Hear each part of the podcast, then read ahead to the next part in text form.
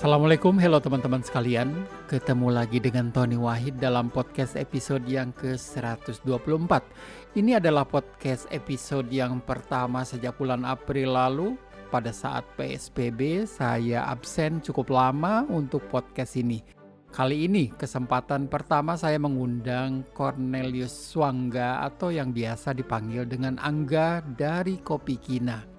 Kopi Kina pernah dipublikasikan di tahun 2013 dan obrolan kali ini tidak ada tema khusus. Namun beberapa hal yang mungkin bisa kita pelajari adalah bagaimana cara Kopi Kina membangun bisnisnya, bagaimana cara usahanya agar tetap sustain dalam masa-masa sulit seperti saat ini. Tapi yang paling menarik salah satunya adalah bagaimana mereka membangun sebuah merek mesin roasting yang dikenal dengan nama Mad Max. Teman-teman sekalian, inilah dia podcast episode ke-124. Saya Tony Wahid, penulis sekaligus pemilik web kopi cikopi.com. Selamat menyimak. Jauh juga ya tadi satu jam ke sini ya enggak? Iya sebenarnya sih bisa lebih cepat, cuma tadi gua kesasar aja sih pak. Aduh, tapi petanya sih unik gitu petanya Interstellar Coffee Lab Iya. lo tahu nggak ceritanya kenapa itu pakai Interstellar Lu suka filmnya? sip Iya. jagoan lo nebaknya Iya. filmnya terlalu canggih gue nggak Iya. paham-paham apa film ini nih tapi ya bagus sih Nggak kita ngobrol santai aja ya. Jadi Siap. kegiatannya selama ini waktu kita terakhir waktu itu gua ngadain liputan lo tuh sekitar tujuh tahunan yang lalu. tau Iya, udah sih? lama banget pak. Lama banget dan itu lokasi Kopi Kina waktu itu masih di Jalan Abdullah Safei. Betul. Kemudian kemarin ditelepon katanya udah pindah. Sekarang Iya. di mana? Sekarang kami lokasinya di Jalan Tebet Timur Dalam Raya nomor 43. Itu dekat apa tuh? Deket PSPT sih, jadi dia sejajaran sama PSPT. Kurang- Pasar. Ah, Pasar Tebet Timur, kurang lebih sekitar mungkin 300-an meter lah. Sejajaran itu ya. Ah, Oke. Sejajaran. Apa bedanya dengan lokasi yang selain berbeda lokasi mungkin lebih luas atau Oh, iya. gimana nih? Jauh lebih luas sih, jauh lebih luas. Kemudian kita juga tempatnya jauh lebih proper.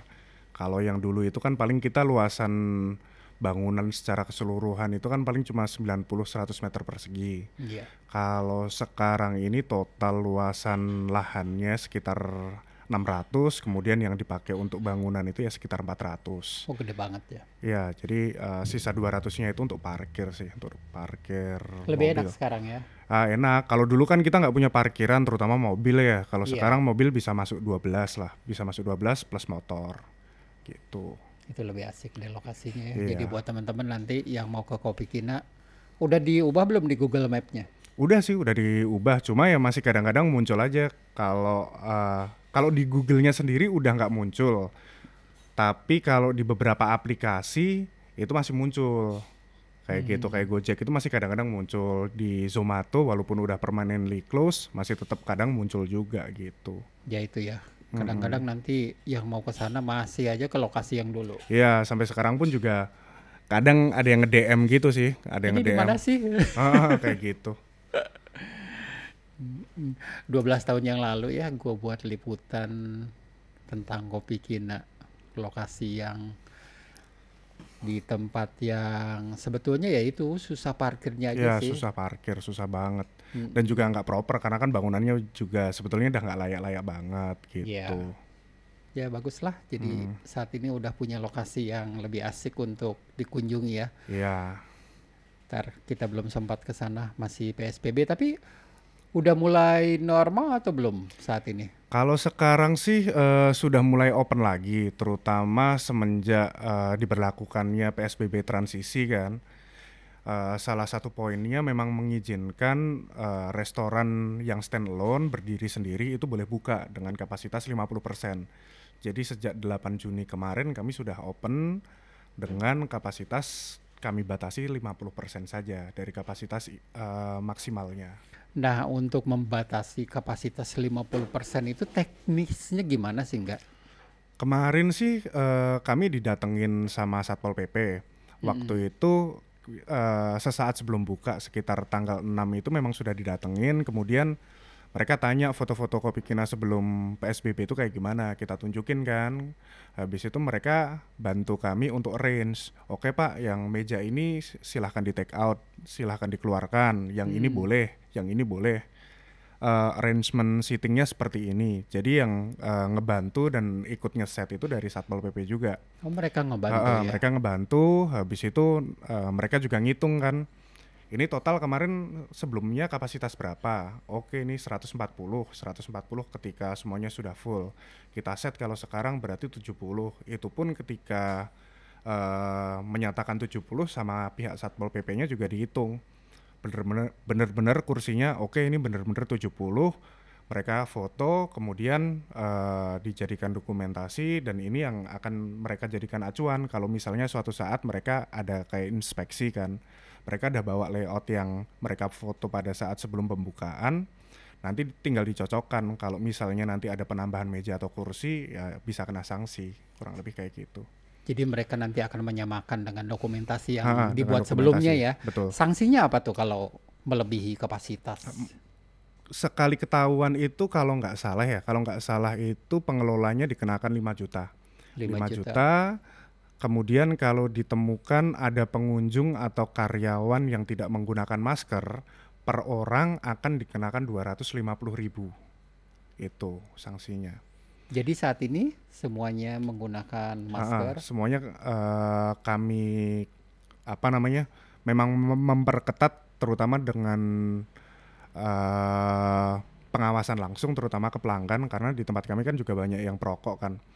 Jadi paling nggak at least jaga jarak dan juga masker itu harus selalu terpasang, nggak boleh ditaruh di meja atau kemudian dimasukin tas itu nggak boleh. Pengunjung. Pengunjung, pengunjung kayak gitu. Kalau ada yang tidak pakai gimana tuh nggak?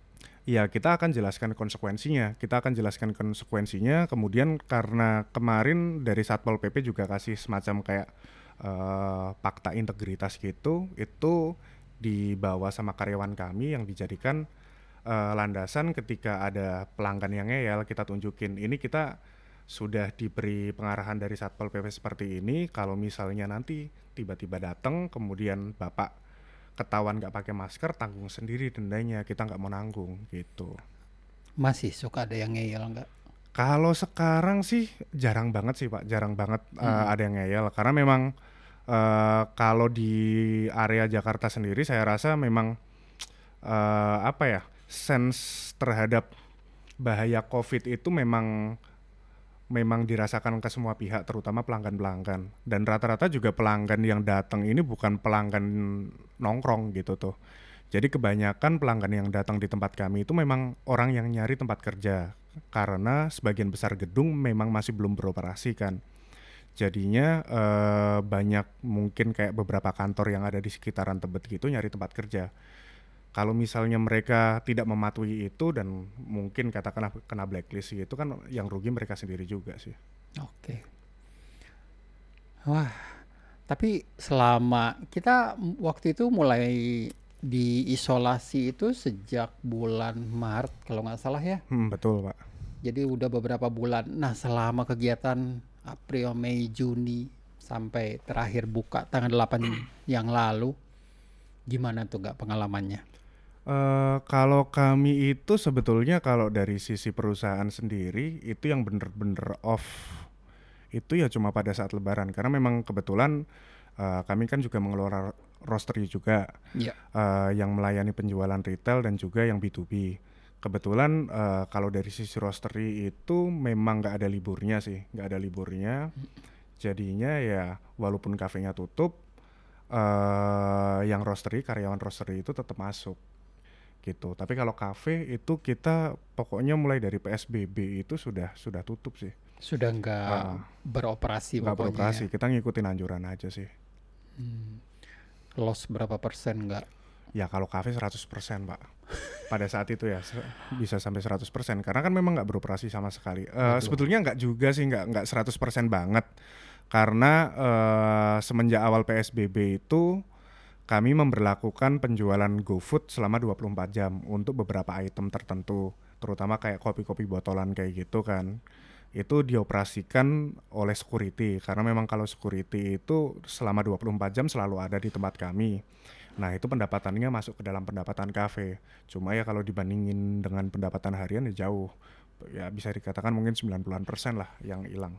Jadi itu salah satu cara untuk survive ya, enggak ya? Ya, kurang lebih kayak gitu. Karyawan gimana ada yang di PHK atau dirumahkan atau Kalau di PHK sendiri sih malah nggak ada yang di PHK, cuma semuanya itu kemarin kami berlakukan dirumahkan tanpa digaji.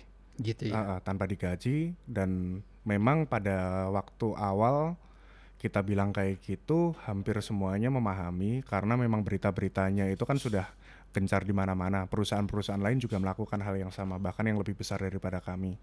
Mereka bisa memahami eh cuma ya memang eh, ada beberapa orang yang pada akhirnya mengundurkan diri, tapi bukan kami PHK, mereka yang mengundurkan diri gitu. Oke. Berapa orang saat ini karyawan nggak? Kalau sekarang ini di total mung- sekitar 30 orang lah. Itu terbagi untuk kafe, untuk roastery dan juga untuk eh, machinery-nya. Karena kami juga build mesin roasting kopi juga. 30 ya. Ya sekitar 30, Pak. Pada awal lo buka kopi kina berapa banyak? Wah, kalau dulu mah paling berapa? Cuma tiga, Pak. iya. Cuma tiga. 10 kali lipat dalam jangka waktu 7 tahun. Iya, tujuh tahun. Walaupun ya kalau kami sih memang masih pingin eh, ngegedein lagi sih sekarang. Masih ingin ngegedein lagi ya, ekspansi terus nih kak. Ekspansi terus. Iya. Tapi inget banget sih waktu pertama kali ya saya ke Kopi Kina. Yang paling gue inget tentu saja ini lulusan geologi ngapain lagi buka coffee shop. Iya. Heeh, betul. Jadi ilmu geologinya gimana nih kak? Iya, kalau sekarang ya practically udah nggak dipakai sama sekali sih Pak, bener-bener nggak kepake sih. Sekarang ya bener-bener, kalau sekarang belajar ilmu yang lain lebih ke kayak manajemen, finance kayak gitu, itu branding, marketing, itu. Nggak tidak banyak coffee shop yang kayak Kopi Kina yang terus bisa bertahan dalam jangka waktu yang lama. Mm-mm, Eh, memulai dengan hal yang kecil dulu mm-mm. di sebuah lokasi yang hanya 90 meter. Mungkin lokasinya nggak terlalu strategis kalau saya Iya, bilang ya. Nggak nggak strategis. Nggak strategis, jalannya cuma satu arah, Mm-mm, orang bisa kelewat gitu saja. mm. Apa sih nggak practical tips buat teman-teman dalam membangun eh, sebuah bisnis supaya sustain aja dulu, Iya. supaya bisa bertahan. Kalau dari pengalaman Angga waktu itu, Ya, kalau gua sendiri sih, eh, menurut gua ya, menurut Mm-mm. gua kalau dari sisi brandnya Kopi Kina sendiri itu eh, yang bikin kami bisa bertahan itu adalah kami punya semacam kayak eh, distinctive factor lah, kurang lebih seperti itu. Yang saya rasa di dalam skena kopi Indonesia saat ini belum banyak yang memainkan. Apalagi pada waktu kami memulai dulu, itu mungkin kami baru satu-satunya yang punya koleksi kopi banyak, ya. Walaupun memang pada perjalanannya eh, yang dulu itu kami fokusnya ke kuantitas banyaknya kopi, kalau sekarang ini lebih ke kualitasnya kayak gitu. Cuma dari awal kami kan sering eh, tagline kami kan kopi seluruh Indonesia itu yang akan selalu kami ulang dan itu yang bikin orang ini walaupun kopi kina dulu itu kecil eh, melirik kami karena eh, mindset mereka, mindset konsumen adalah oh ya kalau gua mau nyari kopi yang aneh-aneh, kopi yang banyak ya gua ke kopi kina. Sementara beberapa coffee shop lain paling nggak yang ada di area kami di Tebet itu paling kan kalau misalnya bicara koleksi kopi kan nggak banyak-banyak amat. Kurang lebih ya kayak gitu. Kita punya distinctiveness kalau dari sisi brandnya. Kemudian kalau dari si- sisi bisnis secara umumnya ya kita melakukan banyak sekali apa ya? eh diversifikasi bisnis, diversifikasi bisnis karena pada awalnya kan kami cuma coffee shop. Kemudian kita juga cuma roasting pakai alat seadanya, pakai waktu alat roasting. itu udah ada makanan belum? Waktu awal banget itu ada tapi sangat seadanya banget sih Pak. Paling cuma kayak kayak pisang goreng gitu. Saya sendiri juga bahkan udah lupa. gitu. Iya dan memang waktu itu jadi pembeda ya pada Hmm. saat mungkin coffee shop lain hanya menyajikan beberapa varian, lu bisa mengklaim lu bisa ada dari barat sampai ke timur tuh kopi waktu itu Iya. yang dipajang ya. Ya betul betul. Ah, ah, dan itu menjadi salah satu pembeda yang membangun kopi Kina sa- sampai saat ini. Betul, betul itu. Jadi awalnya dari situ, tapi yang bener-bener bisa bikin bisnis kami ini sustain karena diversifikasi.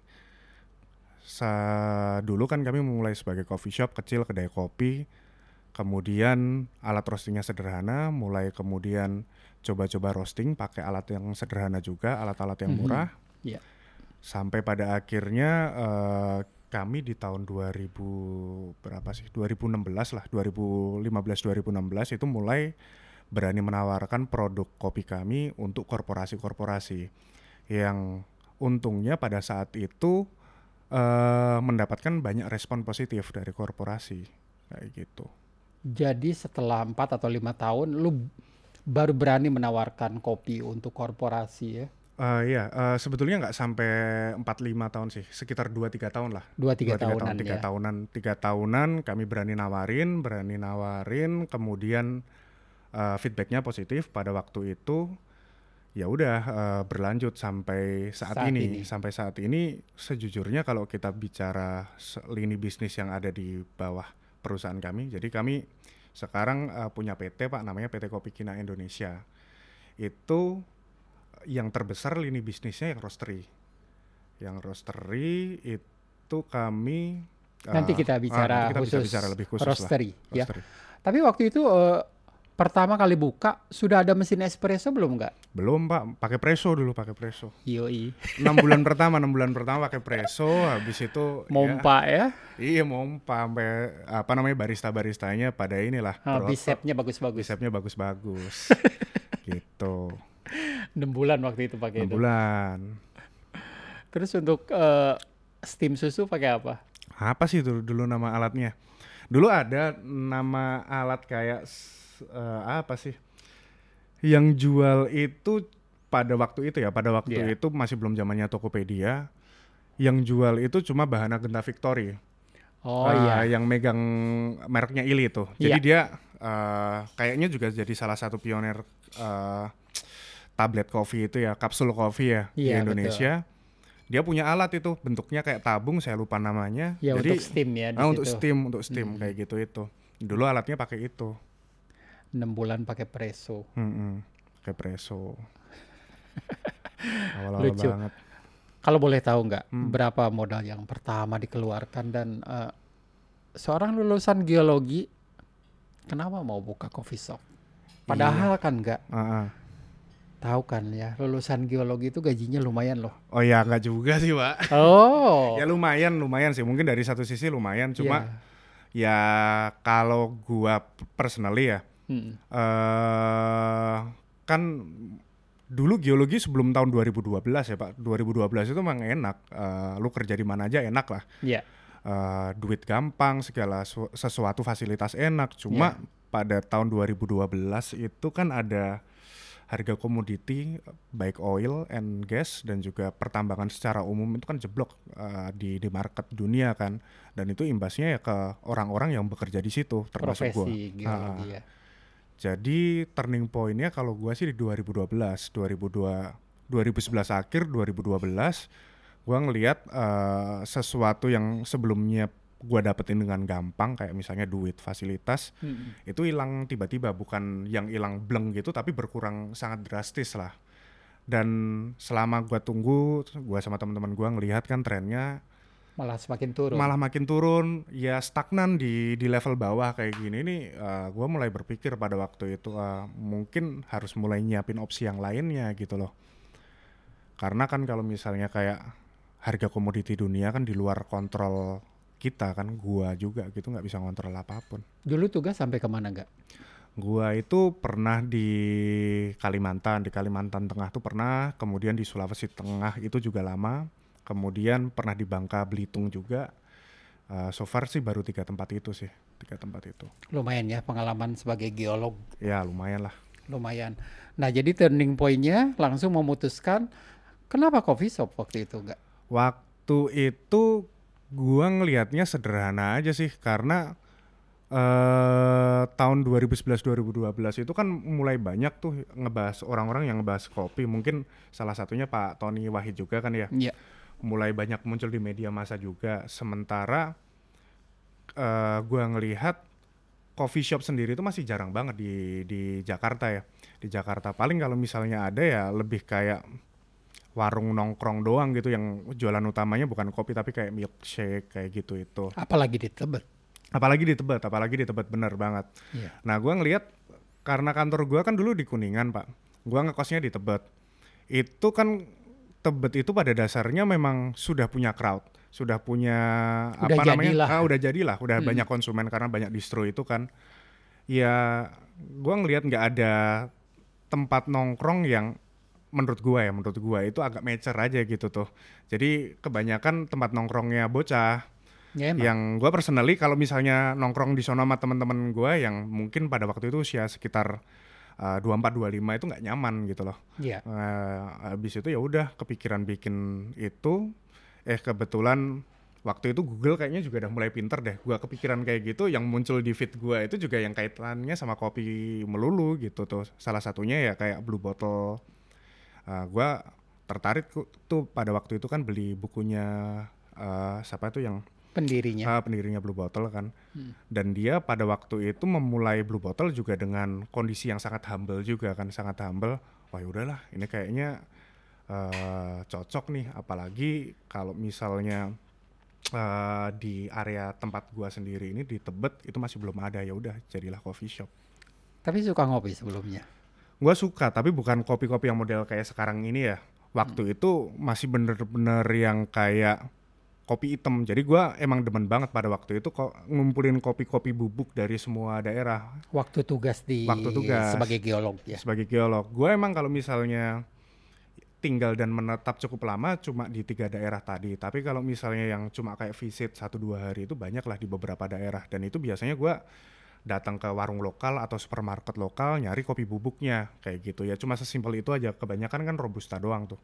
Robusta, gue seneng kumpulin, ya udah, ya cuma ngopi sebatas itu. Tapi itu menjadi bekal penting nyatanya ya enggak ya untuk mengenali Ya. kopi-kopi di berbagai tempat di Indonesia. Iya betul. Dan lu kok bisa baca buku Blue Bottle itu? Waktu itu gua kalau nggak salah ya, kalau nggak salah itu ada di Aksara deh.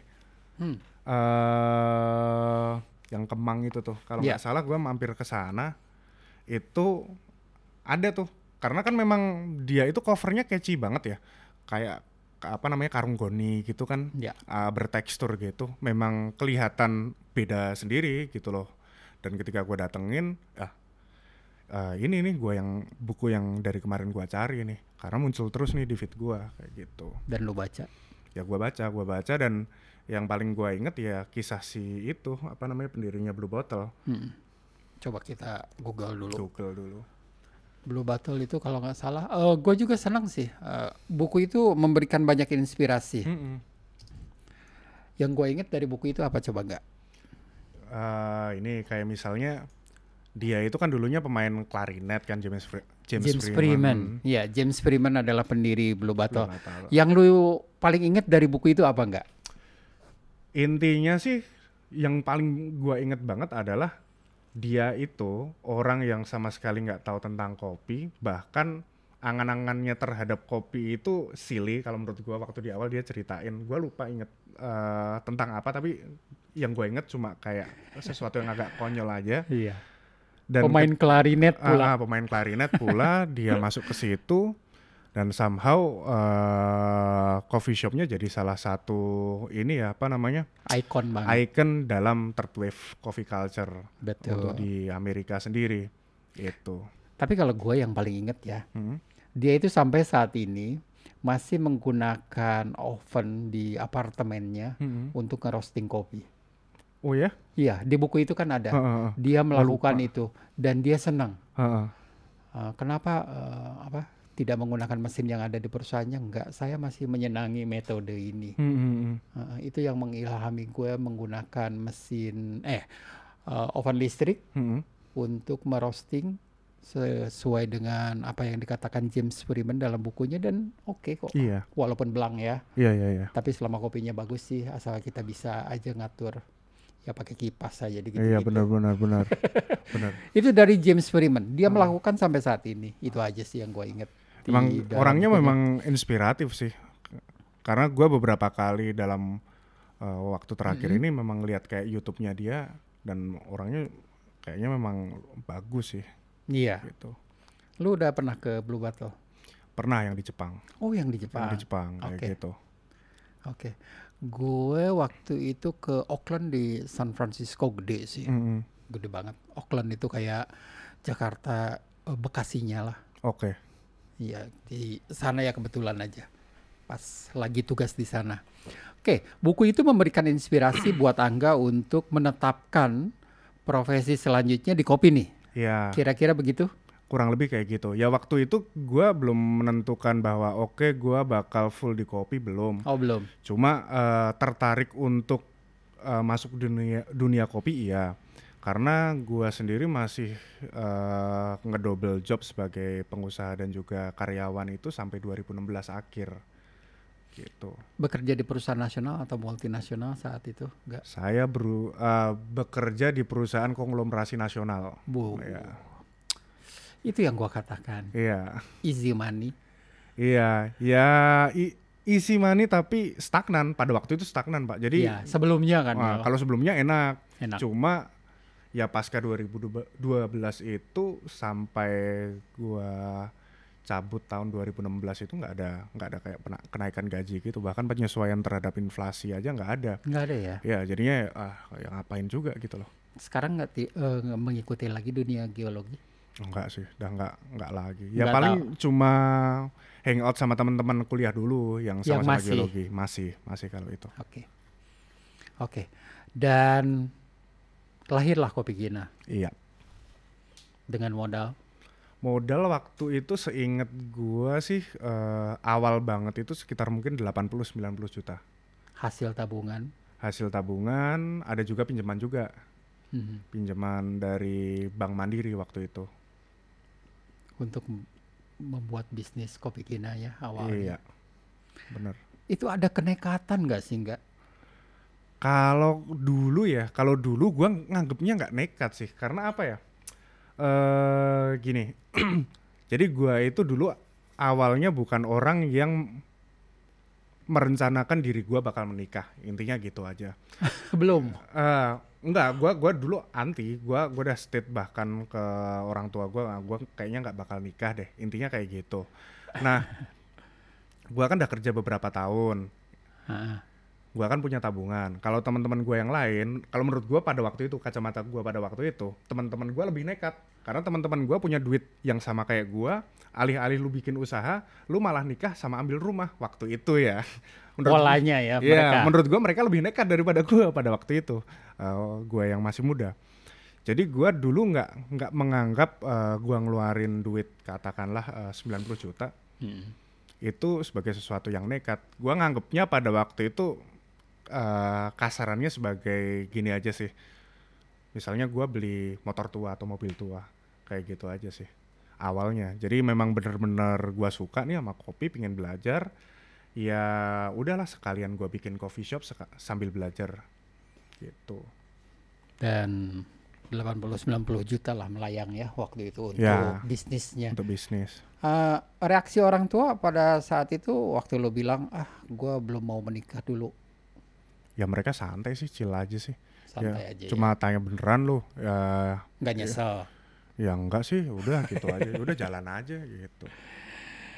Oke, dan dibukalah Kopi Kina yang di Jalan Abdullah Safi'i. ya. Betul. Mm-mm. Dan satu lagi yang diingat buat teman-teman yang pernah ke sana adalah kesukaan Angga pada hal-hal yang vintage. Betul. Mm-mm. Audio vintage, Mm-mm, kamera analog, mm-mm. Dan gimana sampai jatuh cinta kepada hal-hal seperti itu nggak sejarahnya. Sejarahnya. Dan menjadi salah satu ikon yang ada di Kopi Kina sampai saat ini tentunya ya enggak Oh ya sampai saat ini. Iya. Cuma lebih banyak kalau sekarang. lebih Terutama banyak. audio, terutama audio. Oke, kita mulai dulu dengan Ah. kamera analog. Iya. Kenapa gua suka kamera analog itu awalnya ketika gua eh kuliah tingkat akhir kayaknya tahun 2005 eh so- so- salah gua itu kuliah masuk 2006 berarti gua mau lulus itu ang- sekitar tahun 2010 2011 Sorry dulu kuliahnya di mana enggak? gua di geologi UGM teknik geologi UGM Iya. Ha-ha. Nah, tahun 2010 itu gua eh, jalan di di sebuah di Jogja itu dulu ada pasar sampai sekarang sih masih ada. Ada pasar kelitikan. Dulu itu kelitika kelitian ini adanya di pinggir-pinggir jalan. Pernik-pernik gitu ya. Pernik-pernik kayak gitu Iya. barang-barang bekas. Nah, sekitar tahun 2009 2010 kalau nggak salah itu dibikinlah format pasar untuk mindahin eh, para pedagang yang biasanya di jalan ke dalam tempat yang lebih proper. Iya. Nah, gue datang tuh eh, deket-deket pembukaannya karena memang agak hype kan pada waktu itu di Jogja sendiri. Gue datang sama beberapa teman gue, lihat ada si kamera Sigel 203, gue inget banget. Itu kamera lipat, folding camera gitu. Medium dari- format. medium format, Iya. medium format dari Cina. Ya sesederhana tertarik aja gitu, tertarik sama Sigel itu dan pada waktu itu gue langsung beli karena gue lupa harganya berapa, tapi untuk kantong mahasiswa itu termasuk murah. Jadi asumsi gue mungkin harganya sekitar 40-50an ribu pada waktu itu ya. Masih ada kameranya. Ah, ah. Kameranya sekarang masih ada sih di rumah gue yang di Jogja. Seagull ya. Ah, Sigel itu. Nah, waktu itu gue beli cuma karena suka sama tampilannya. Baru dari situ cari tahu, googling. Ah, udah kecebur tuh ke dunia kamera analog. Tunggu. Lu cuman seneng sama tampilannya dulu, tapi nggak tahu cara fungsinya tahu gimana, gua. cara tahu. pakainya gimana. tahu. Karena gue personally pada waktu itu belum pernah ngeliat ini ini apaan sih ini. Ka gue tahu ini kamera gitu loh. Lucu tapi Tapi lucu gitu loh. Tapi gue belum pernah seumur hidup gue sebelum hari tersebut gue ngelihat model kamera kayak gitu. Kalau ngelihat dari apa namanya anatominya sendiri, oh jelas lah ini kamera ada lensa, Mm-mm. ada viewfindernya Iya. Kayak gitu. Untung harganya 45.000 ribu. Coba kalau lo beli jutaan dan lu nggak tahu itu fungsinya buat iya, apa. iya. Waktu itu gue kalau misalnya harganya jutaan juga nggak akan kebeli pak. Mahasiswa. iya mahasiswa kan pada waktu itu. Dan itu eh, menjadi salah satu penghias yang ada di Kopi Kina hingga saat ini ya. Iya itu. Koleksi udah nambah? Kagak sih kalau kamera. Jadi kalau kamera memang udah agak lama nggak Nggak terlalu nggak main. main lagi ya. Habis itu kan hype lagi. Eh, sekarang kan Sekarang hype lagi. hype lagi. Nah, itu gue dah udah nggak apa namanya in touch sama komunitas-komunitas lagi tuh kalau sekarang. Iya. Heeh. Banyak teman-teman kopi juga yang masih menggunakan kamera analog ya. Mereka Hmm. senang medium format atau yang 35. Nah, itu jadi penghias dan gue senang banget tuh waktu itu liatnya ya. Wah, ini kamera analog medium format. Beberapa ada kamera 35. Wah, ini koleksinya angga luar biasa. Lalu audio vintage. Mm-mm. Nah, ini kan agak unik juga nih. Audio vintage itu kan buat orang-orang tua lah kayak gue ini. Gitu ya. Nggak juga sih. Tapi sekarang ini kok banyak ya yang kembali ke audio vintage, piringan hitam, Mm-mm. turntable, orang kembali menyukainya. Malahan udah mulai banyak sekali diproduksi kalau di Amazon lu gampang banget Iya, sekarang ini betul. cari vinyl. Dulu 10 tahun yang lalu kayaknya Amazon juga nggak terlalu tertarik untuk bisnis seperti itu. Nah, eh, salah satu penghias yang ada di Kopi Kina tentunya adalah audio vintage. Nah, itu kalau itu ceritanya gimana nggak? Ya berangkat dari gua suka kamera tua, itu gua jadi mulai suka bentuk-bentuk eh, barang-barang tua juga sih. Dan kalau gua sih secara spesifik suka barang-barang tahun 70-an tuh, baik dari sisi kamera maupun dari audio juga. Spesifik yang era tahun 70-an. Eh, yang desain-desainnya tahun 70-an itu gua suka banget sih. Ya. Kamera eh, apa namanya sama audio itu gua paling suka yang keluaran tahun 70-an. Gak tahu kenapa sih. Koleksi pertamanya apa enggak untuk audio?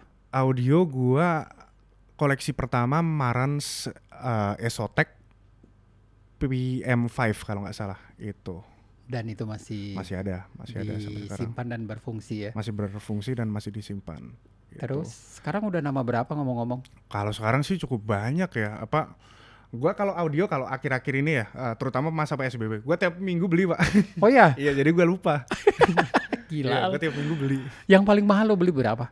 paling mahal so far sih uh, Macintosh Buh, itu C C28 gue beli 11 Preamp. preamp preamp. Buat teman-teman pendengar podcast, mohon maaf, ini obrolan sana sini, nggak ada tema, Iya, nggak ada jadi tema. kita ngobrol biasa aja. Jadi kalau temanya apa, ya gado-gado deh. Gado-gado. gitu. Wow, gila. Macintosh itu adalah salah satu legend di dunia audio dengan UV meter yang berwarna biru itu, aduh. Ya Allah, kalau melihat itu. Gua di Korea ya, Ah, eh, sebuah coffee shop kecil. eh, ya mungkin usianya 40-an tahun, tapi ada juga eh, anak-anak muda audionya Macintosh. mm. Tapi emang anu sih emang kelas sih Iya. dia. Terus gua bilang, lu kenapa sih pakai Macintosh? Kan sekarang ada MP3 yang lebih itu. Ya beda sih, satu saya hobi, ini lebih analog, lebih hangat dan berbagai macam alasan lainnya. Kalau lu alasannya apa enggak? Sama sih. Jadi kalau gua itu eh, ketika bicara audio yang memang gua cari banget itu ampli sih. Ampli pre- termasuk preamp dan juga power amplifier itu yang gua cari. Kalau untuk kayak perangkat-perangkatnya itu ya cuma untuk ada-adaan aja. Personally gua nggak terlalu sering mainin musik pakai apa namanya piringan hitam. Iya. Eh, karena menurut gua juga agak ribet kan Oh ribet itu. ribet banget kan Mm-mm. ribet dan kalau untuk ampli-ampli tua itu entah kenapa ini mungkin persepsi subjektif ya Mm-mm. emang lebih empuk sih lebih hangat lah apa mungkin bahasanya ya Iya. warm and ya empuk gitu itu Ada kekhasan yang tidak bisa didapatkan dari ampli zaman saat ini. Ha-ha. apalagi kalau gua kan akhir-akhir ini suka dengerin musik-musik kayak funk yang terinspirasi dari tahun-tahun 70-an Iya.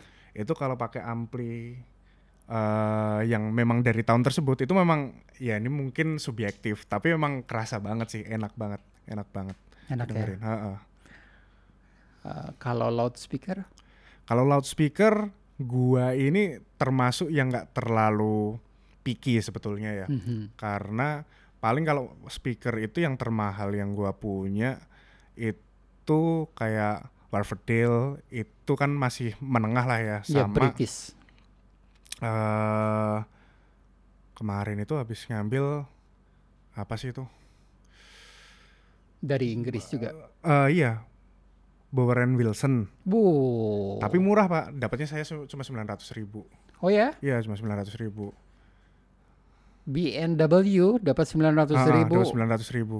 Dapat di Bukalapak waktu itu. Dapat buka lapaknya. Ah, ah, itu. Tapi kalau misalnya speaker yang sekarang gua pasang di di Kopi Kina itu yang yang memang memberikan impresi tahun tersebut.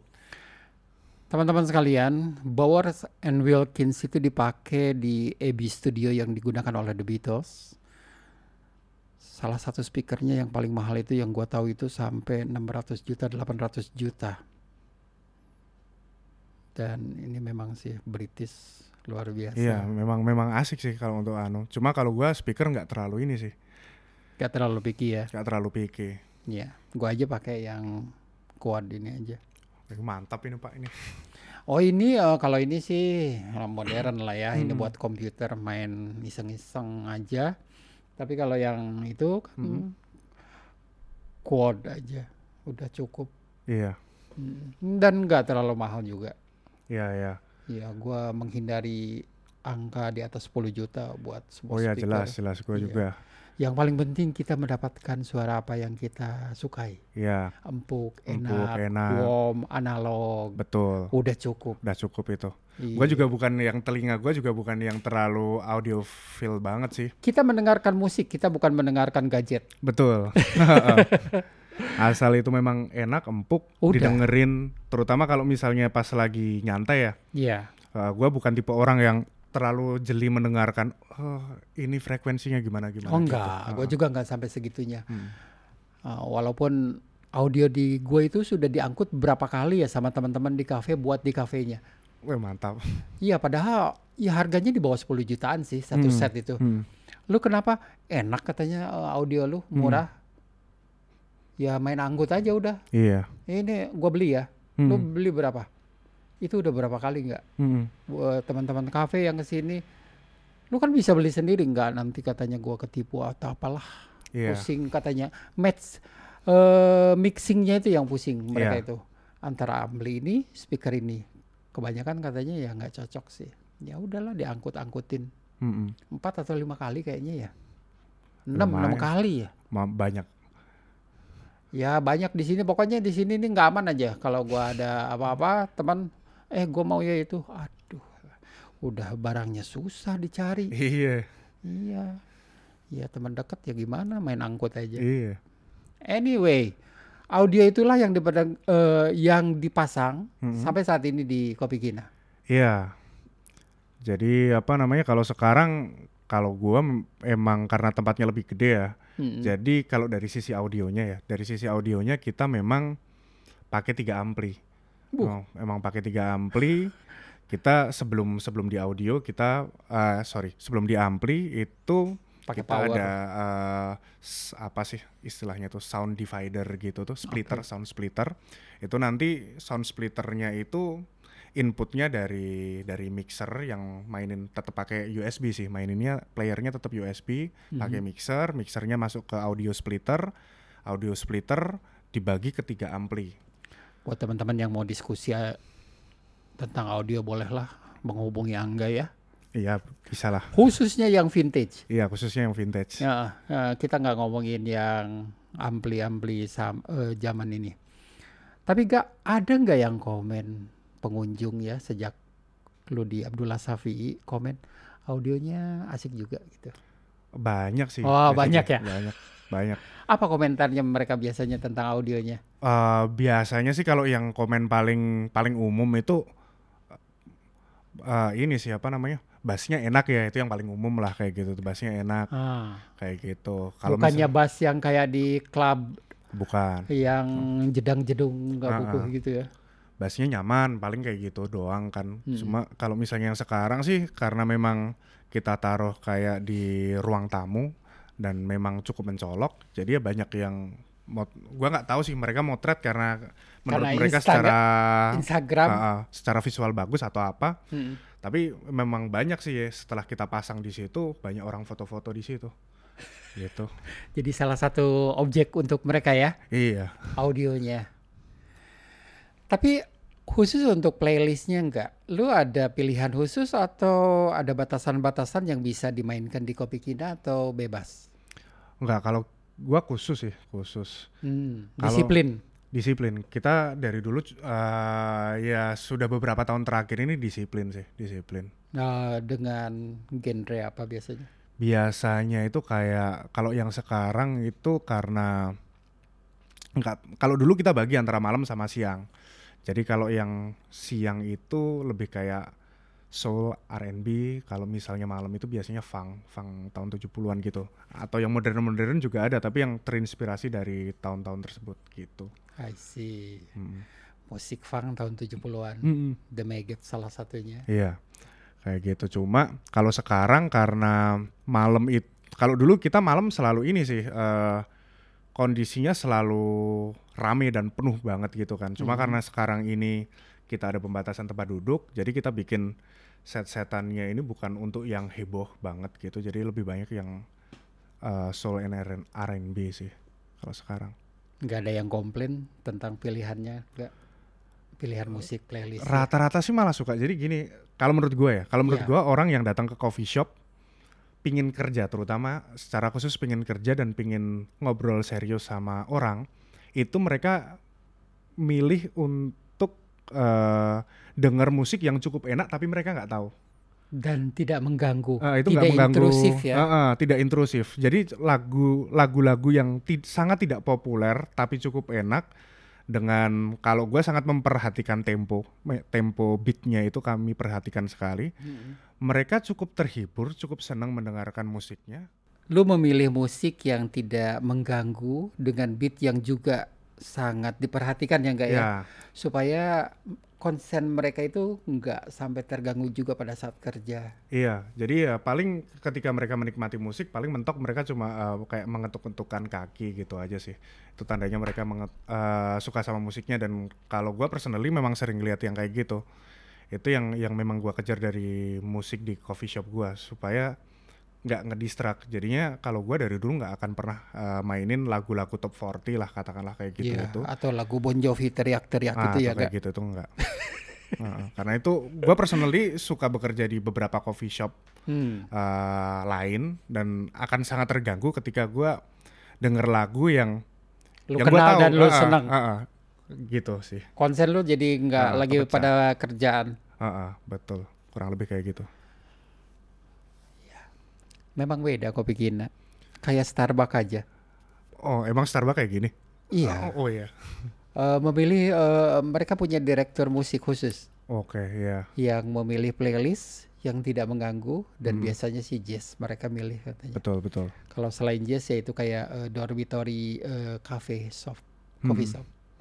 Mereka ada kok ada di bukunya Outward George Hmm. Short untuk bagaimana mereka terlibat jauh lebih dalam ke musik untuk disajikan di coffee shopnya Starbucks. Iya betul. Karena menurut gue itu penting banget sih. eh ya gue personally ya, personally itu eh ketika datang ke sebuah coffee shop itu biasanya gue akan denger dulu ini musiknya bener apa enggak nih? Bener ini bukan maksudnya selera musiknya ya. Iya. Cuma kadang-kadang itu Berisik gak? berisik banget sama yang gua paling nggak bisa tahan kalau datang ke sebuah tempat itu suaranya pecah ini loh apa namanya bassnya pecah gitu loh yang Iya, ber, iya. ber ber gitu Wah, gua gue sangat terganggu sih sama hal kayak gitu Iyalah, itu kan frekuensi yang tidak enak didengarkan Ah. ya enggak ya. kayak gitu Kalau gue yang pertama adalah gue bisa ngobrol nggak di, di coffee shop ini? iya Kadang-kadang ya mereka mungkin terlalu semangat ya anak-anak muda. Hmm, Jadi nyetelnya kenceng gue nggak bisa ngobrol Betul. dengan suara normal. betul Ya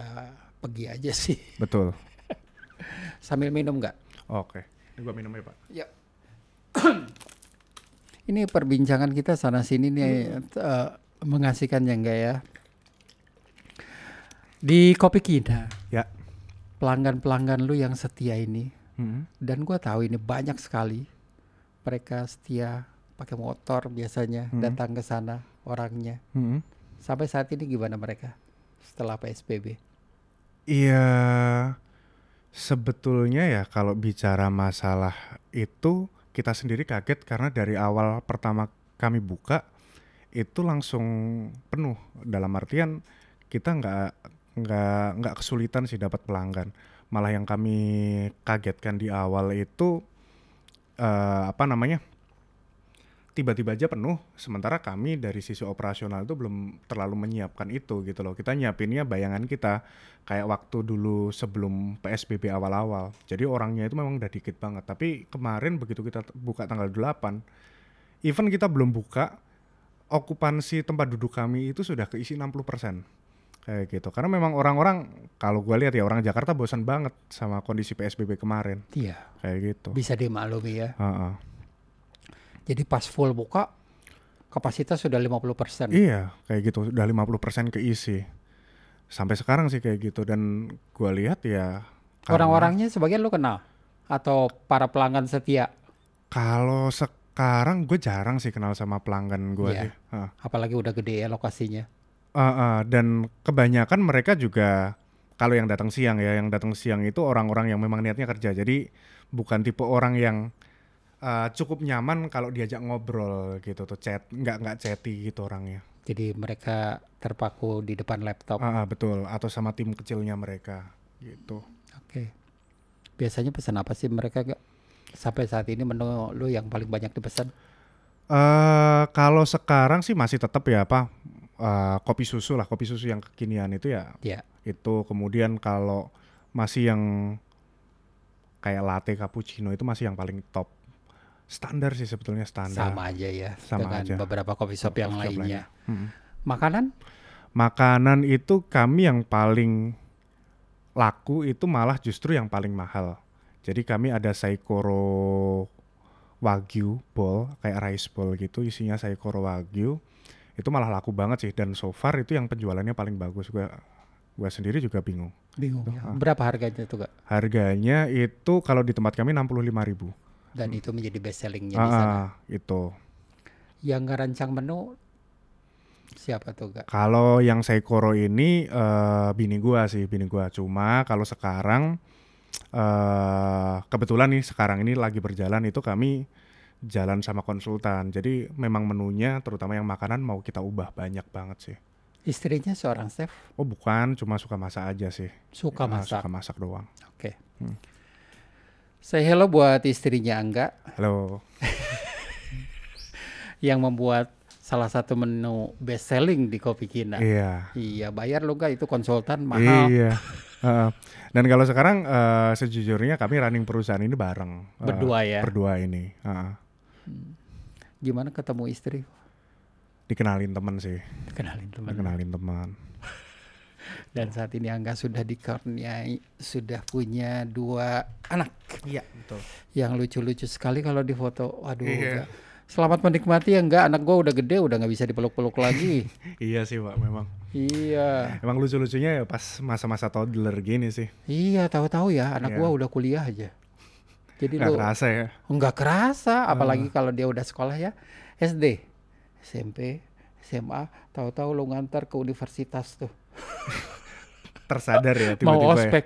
Oh my god, udah tua gue. Iya. Iya, tapi itu fase yang mesti dijalani Iya ya. betul betul. Jadi buat ayah atau orang tua yang masih muda nikmati bersama anak nggak akan diulang. Iya bener sih. Iya ya capeknya itu. Iya Wah, nikmati, pasti. nikmati, nikmati.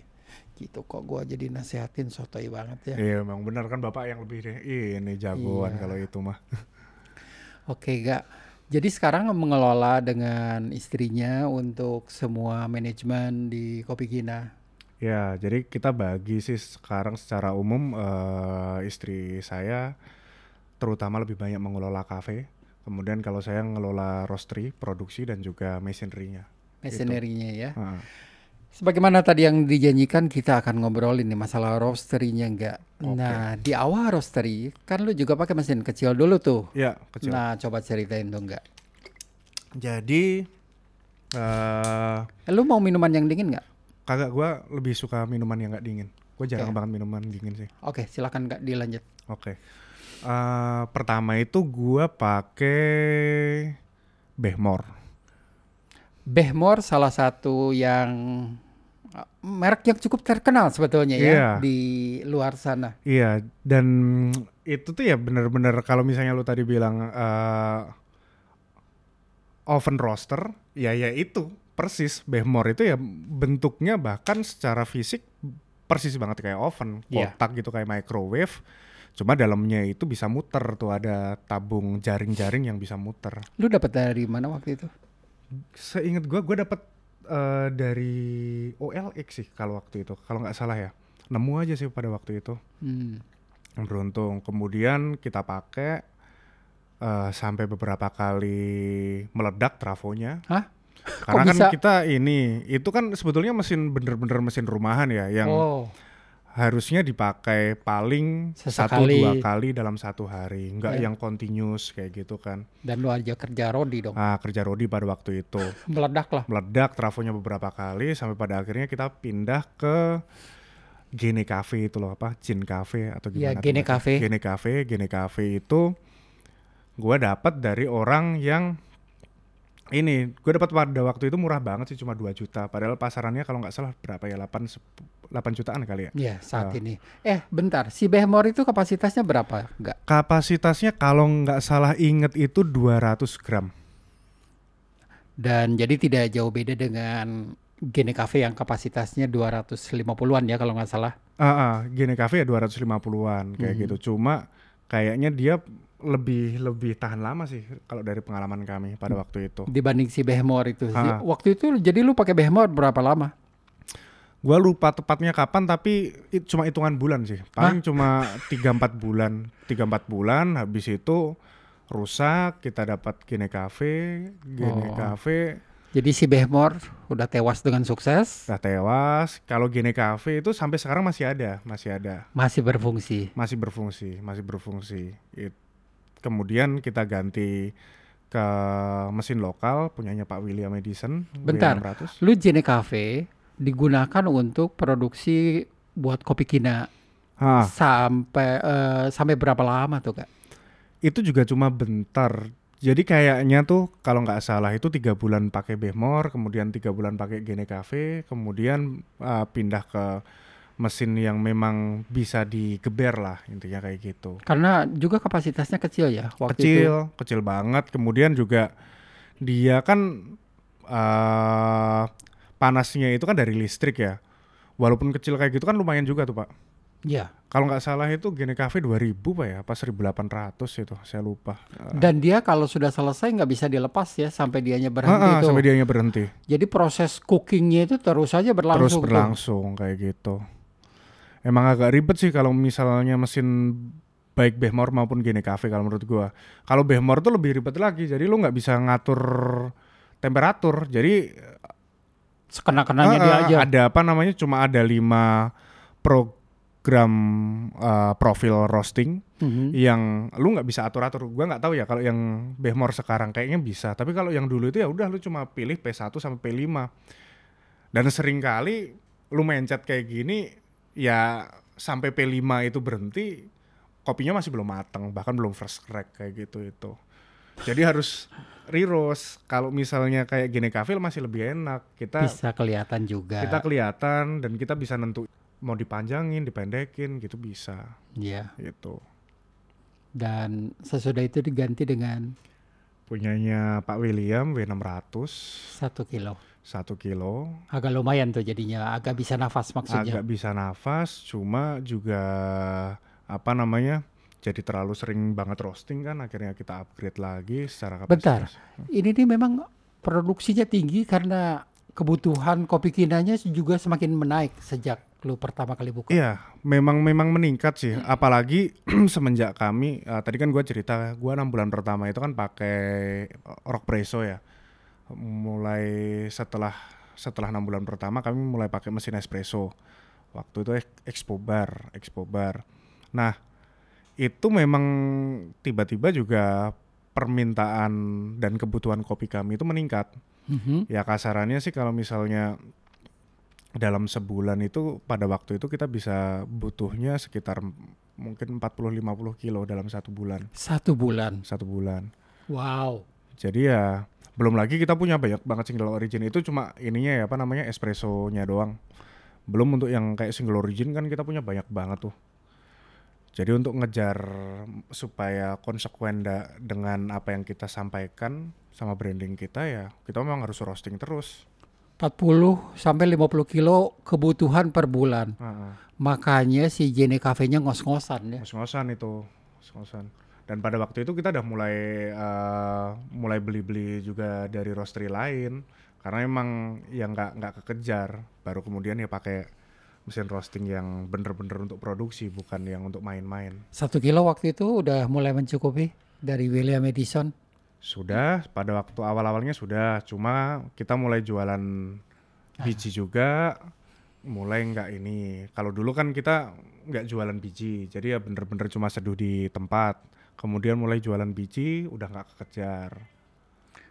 Udah nggak kejar itu nggak jadi kebutuhannya satu bulan udah meningkat lagi dong. udah meningkat udah meningkat. Kayaknya udah eh, pada waktu itu di kisaran mungkin sekitar 300-an kilo kali pada waktu itu. Per bulan? Per bulan.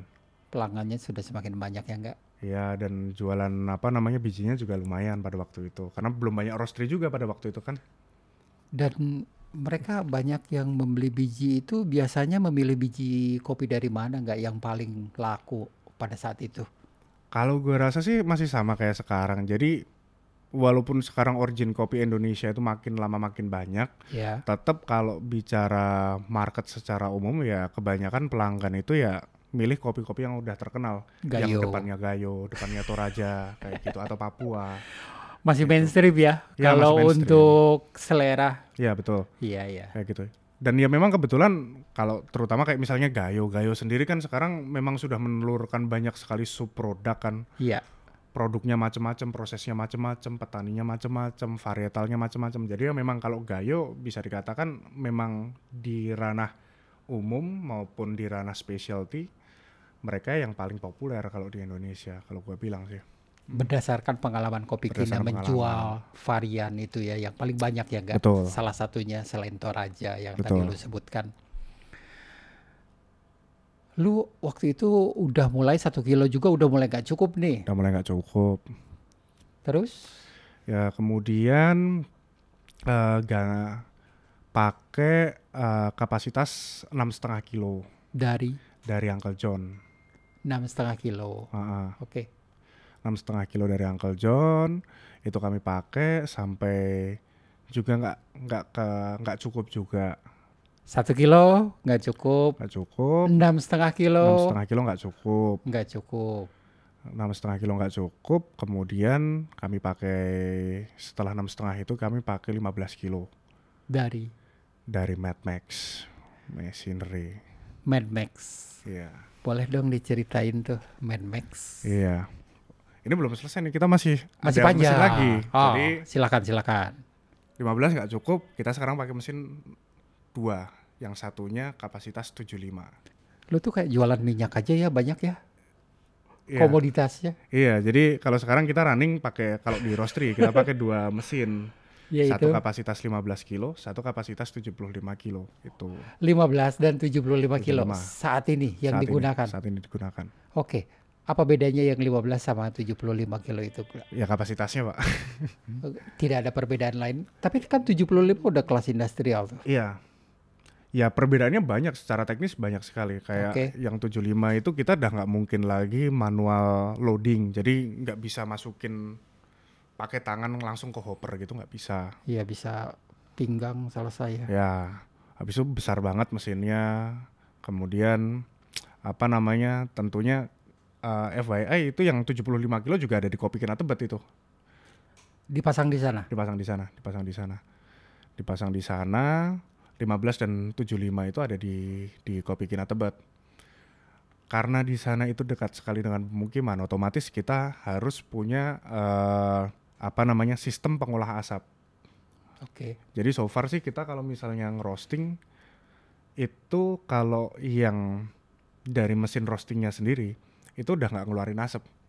75 kilo itu nggak keluar. Maksudnya asap yang visible itu nggak ada.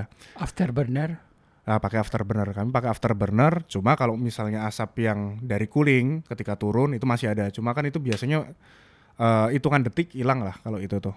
Begitu turun paling 10 detik udah hilang tuh.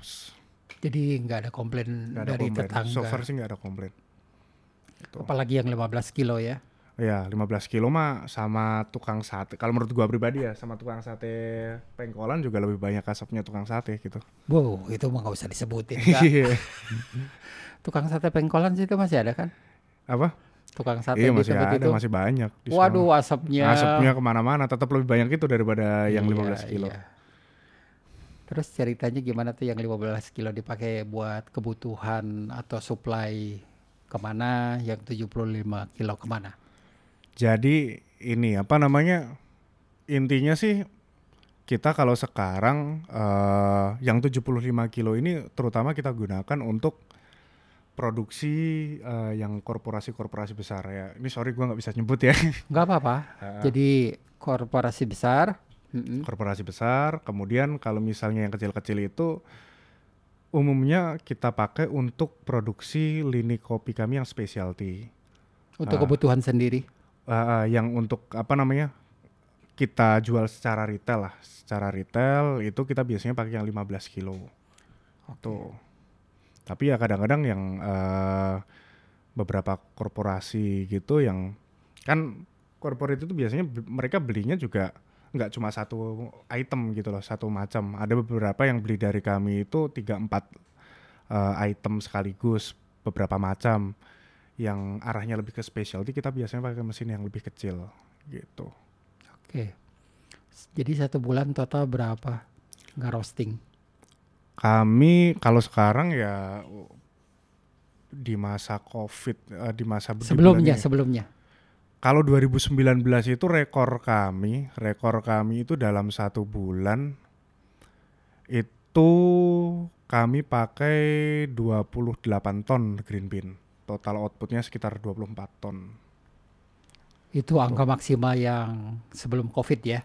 Nah, sebelum covid. Tapi sekarang grafik udah mulai naik lagi nggak? Mulai naik, mulai naik.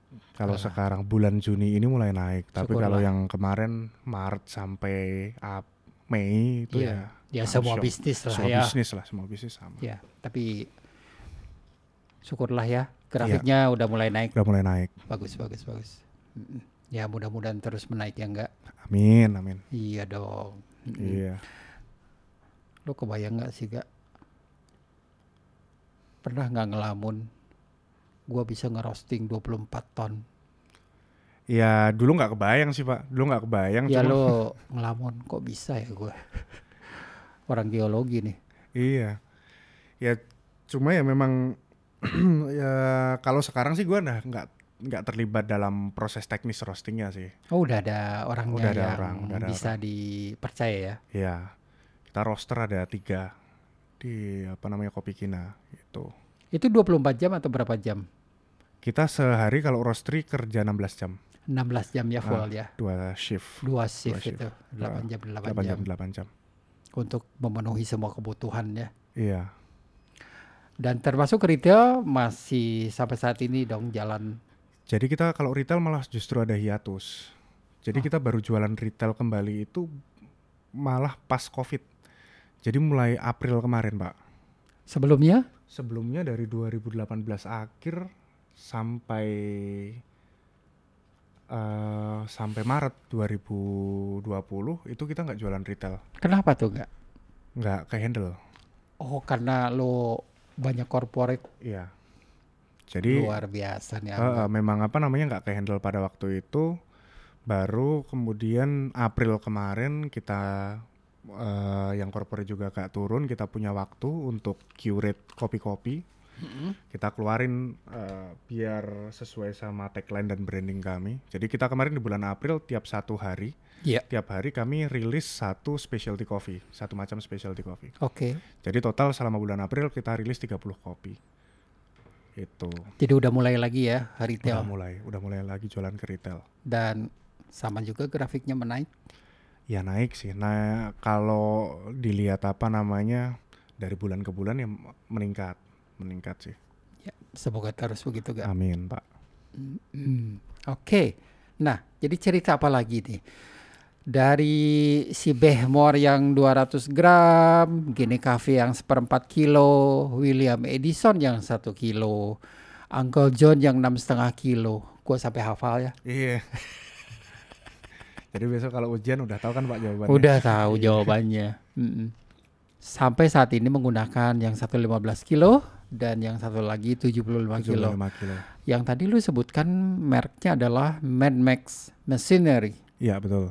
Oke, kita masuk ke situ. Siap. Oke.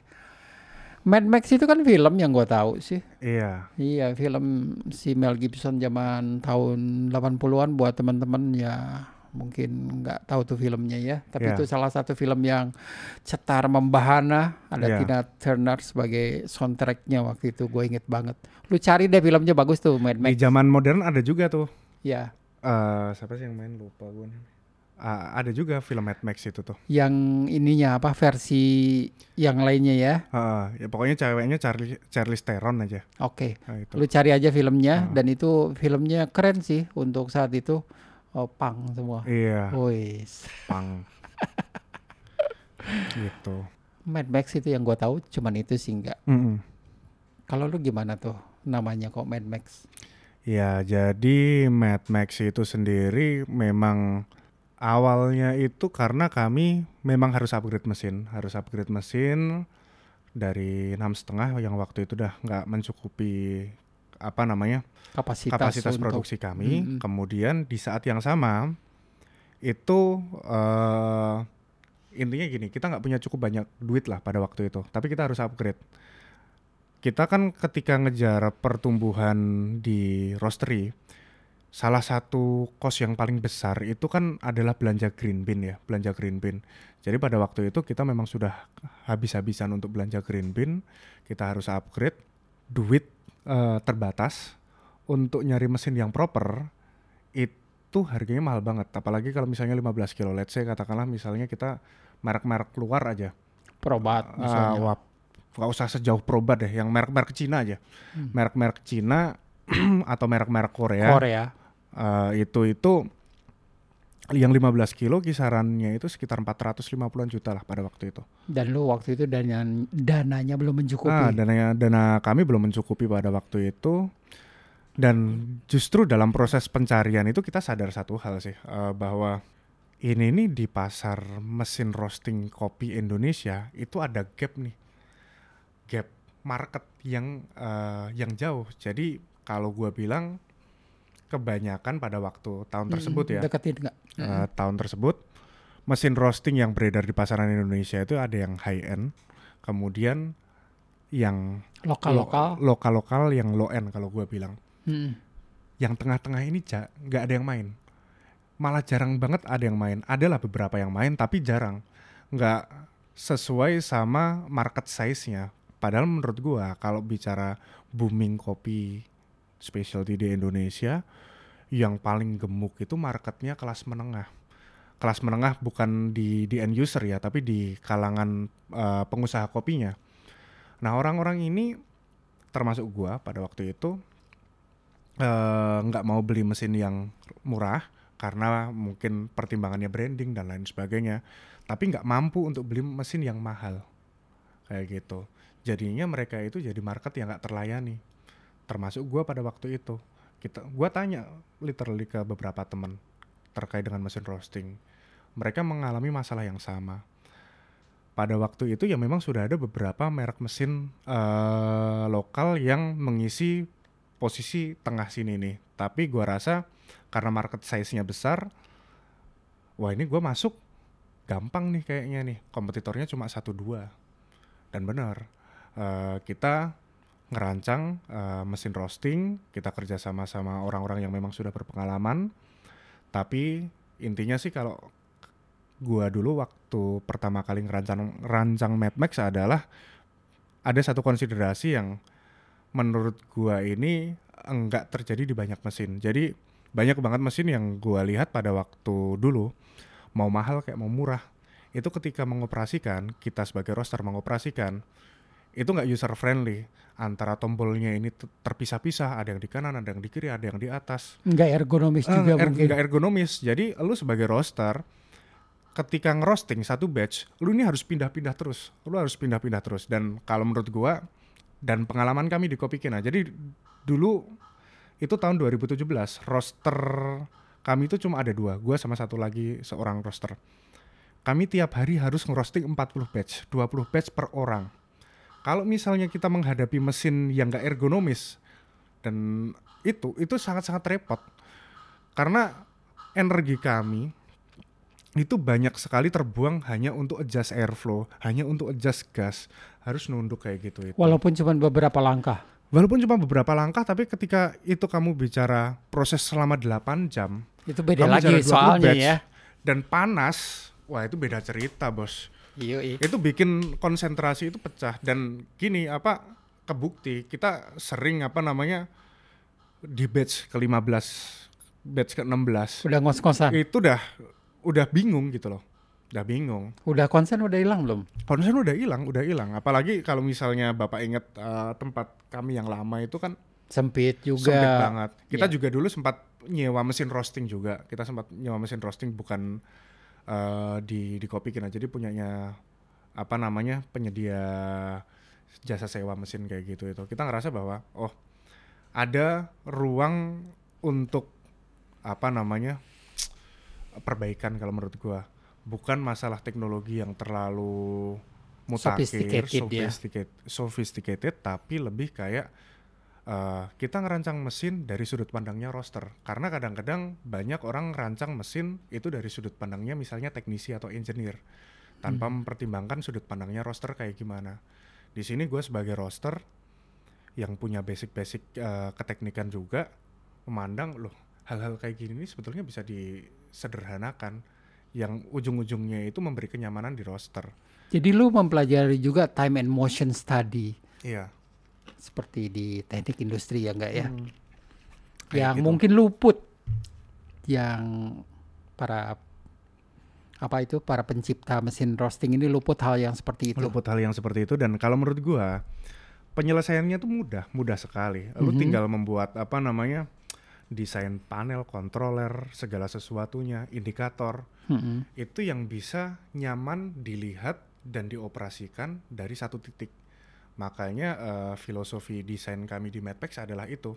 Lu mau pakai mesin sebesar apa pun, Mm-mm. termasuk yang di tempat kami yang 75 kilo, roster itu cukup berdiri di satu titik atau duduk di satu titik, lu bisa lihat semua indikator, lu bisa ngelihat semua apa namanya perkembangan binsnya seperti apa, lu bisa ngontrol semua controller, semuanya eh, pack di satu sisi, dan ini membuat si roster ini nggak akan kehilangan energi dan juga konsentrasi selama proses roasting.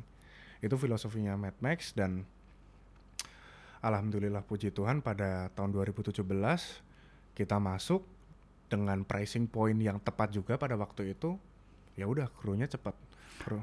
Kapasitasnya berapa waktu itu yang diproduksi pertama kali enggak? Pertama kali itu prototipenya itu kapasitas 15 kilo yang mana itu memang dibikin untuk kopi kina karena kopi kina kan butuh kapasitas 15 kilo itu tapi kalau pesanan pertama yang non prototype itu kebanyakan 5 kilo kebanyakan 5 kilo Kebanyakan 5 kilo. kebanyakan 5 kilo Jadi sampai saat ini Mad Max membuat kapasitas berapa kilo aja enggak? Kalau kami sekarang ini 1, 3, 5 dan seterusnya kelipatan 5 sampai 75 kilo Bisa dibuat oleh Mad bisa Max. dibuat oleh Mad Max itu. Kenapa namanya Mad Max? Ya kalau udah nonton filmnya pasti kebayang. Jadi Mad Oh Max. ini di film juga nih Ah, ah. inspirasinya nih. Jadi gini kita memulai Mad Max itu kan dengan sama kayak Kopi Kina dengan humble start lah ya. Kita Iya. nggak nggak bikin workshop yang gede-gede amat. Intinya dulu kita workshop itu cuma ukuran mungkin empat kali empat kali pak. Empat kali empat, Ah, wah segede rumah inilah ya. Ya bahkan lebih kecil. Bahkan Lebih kecil ya? Bahkan lebih kecil. Eh dan semua peralatan kami, semua besi material itu kita tumpuk tuh jadi satu. Kalau misalnya gua nggak tahu yang Mad Max di ta- yang Mel Gibson kayak kayak gimana, tapi kalau yang di yang gue bilang ada Charlize Theronnya itu, Lu harus nonton dulu deh ntar nah, malam nanti ini gua, ya. gua nonton nih. ya.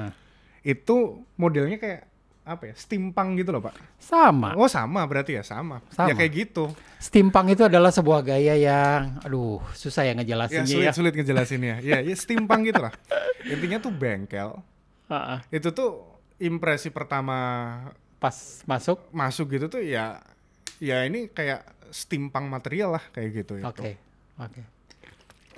Dan ketika lu bicara steampunk, kalau gua pribadi itu langsung mengacunya ya ke Mad Max itu. I see. Oke. Ah. Jadi inspirasi dari film nyatanya Hmm. tapi kita berbeda usia kalau gua referensinya film tahun 80-an. Iya. Ya, tapi sama lah. Kan gayanya mereka juga steampunk. Ah, steampunk. Oke, dan itu bengkel lokasinya di Jakarta, Jakarta Barat Kedoya. di Kedoya. Kedoya. Lu kerja sama sama teman atau siapa tuh gak? Gua kerjasama sama kalau se- kalau dulu itu sam- ya sampai sekarang sih sama Mas Ahmad namanya. Oke. Nah, Jadi sampai saat ini masih berlanjut masih kerjasamanya. berjalan.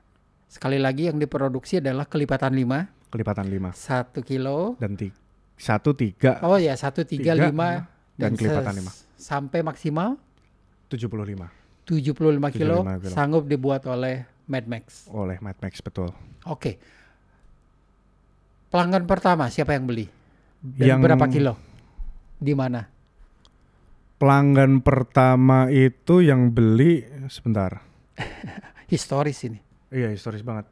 Timingnya kayaknya sama sih. Kayaknya di hari yang sama. Itu yang beli itu Kolo, Oh, kalau Kolo kopi lokal. oke. Dan yang kedua itu kopi alunan. Mereka tahu dari mana tuh, gak? Jadi Kan lu belum apa advertise, Belum, belum announce kan? eh jadi wak kalau advertise udah sih, tapi pakai Instagram Ads pada waktu itu. Hanya Instagram ads saja. Eh, Oke. Instagram Ads. Jadi kita memang pre-launch itu memang sudah melakukan beberapa upaya kayak hal paling sederhana aja sih eh, kita nge-like-ngelakin orang aja nih, nge-like-ngelakin orang-orang kopi yang kira-kira mungkin bakal jadi next buyer kita. Itu pertama. Kemudian yang kedua dalam proses pembuatan prototype itu kita kayak semacam kita report gitu loh. Oh ini ini udah jadi. Body misalnya udah jadi. Kita post di Instagram.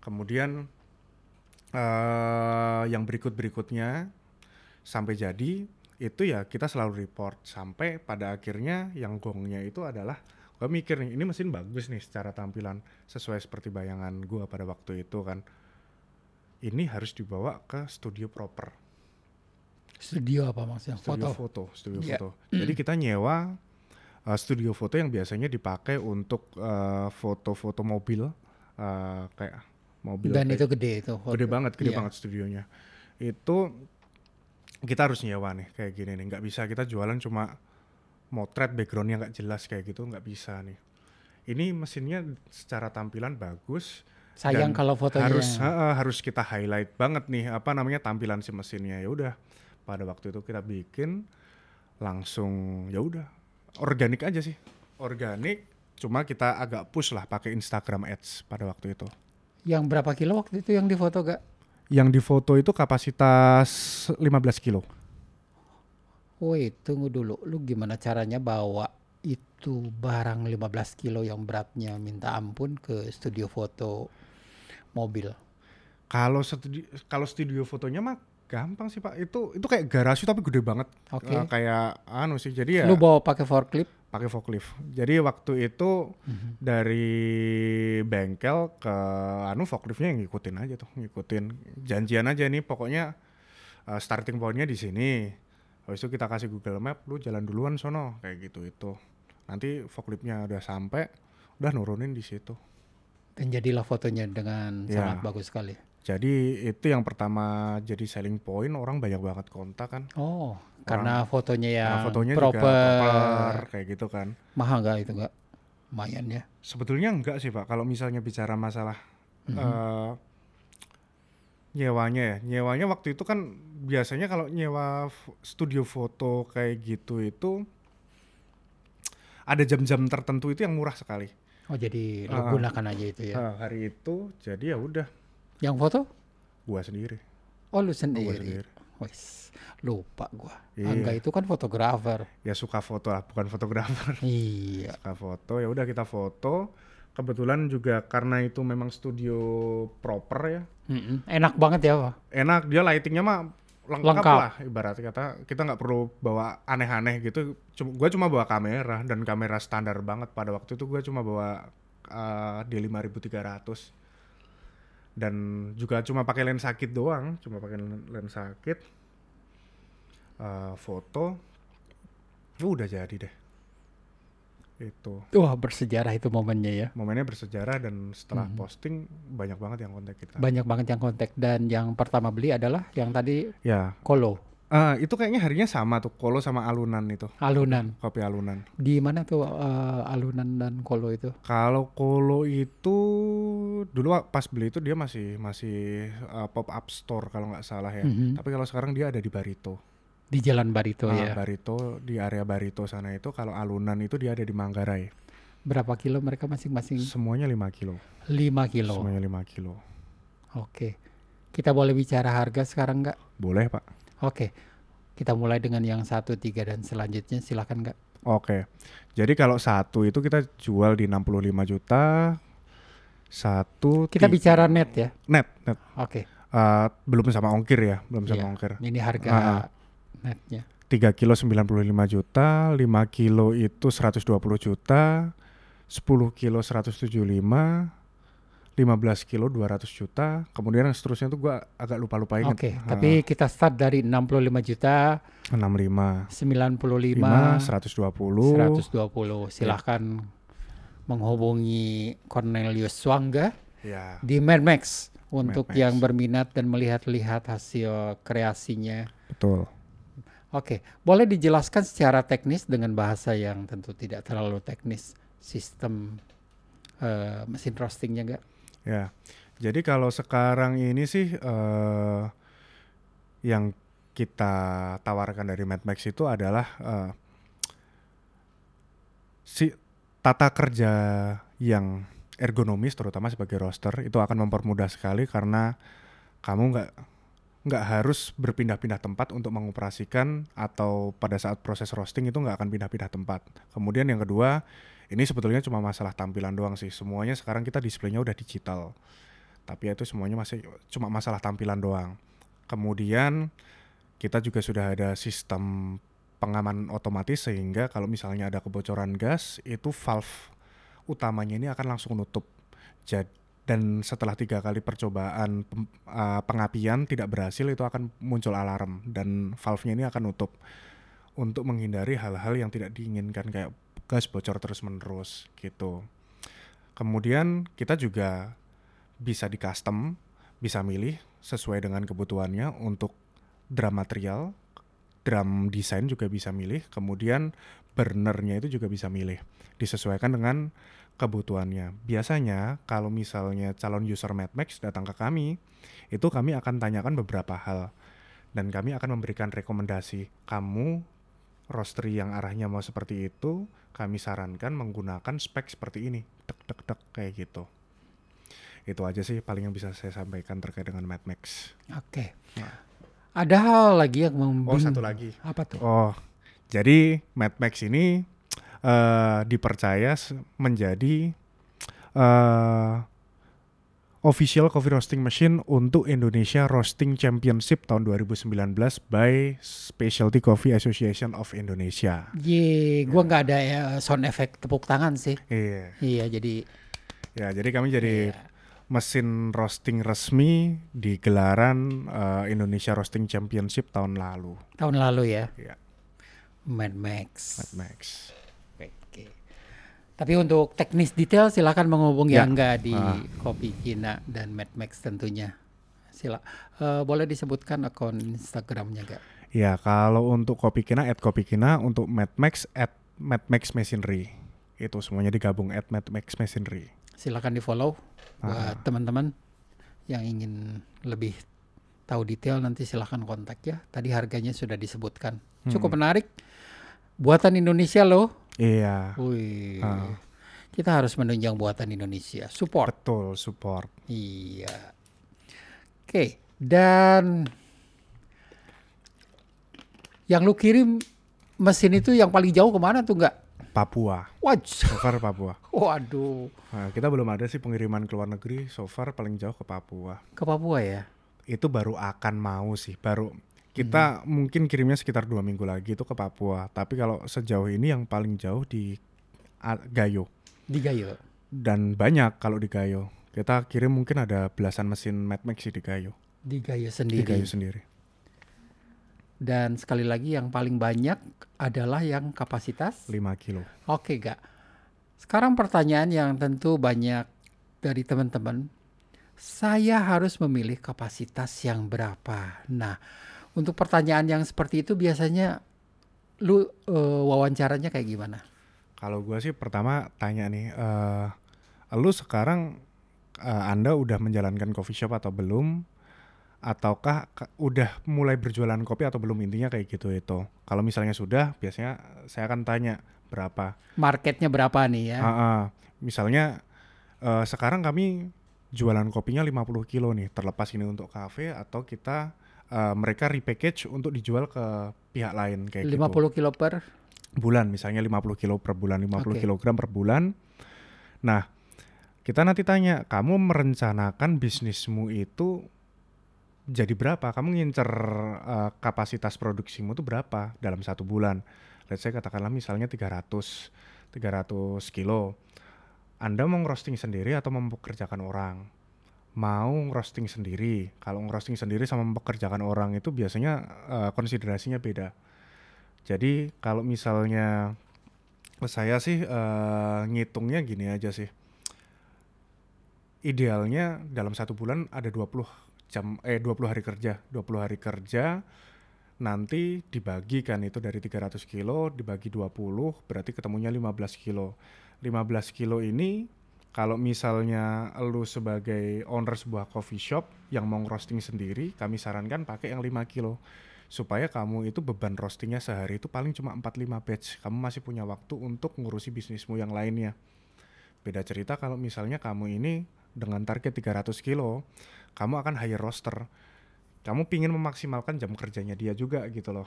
ya. Ya itu paling saya kasih opsi udah lu beli satu atau tiga kilo.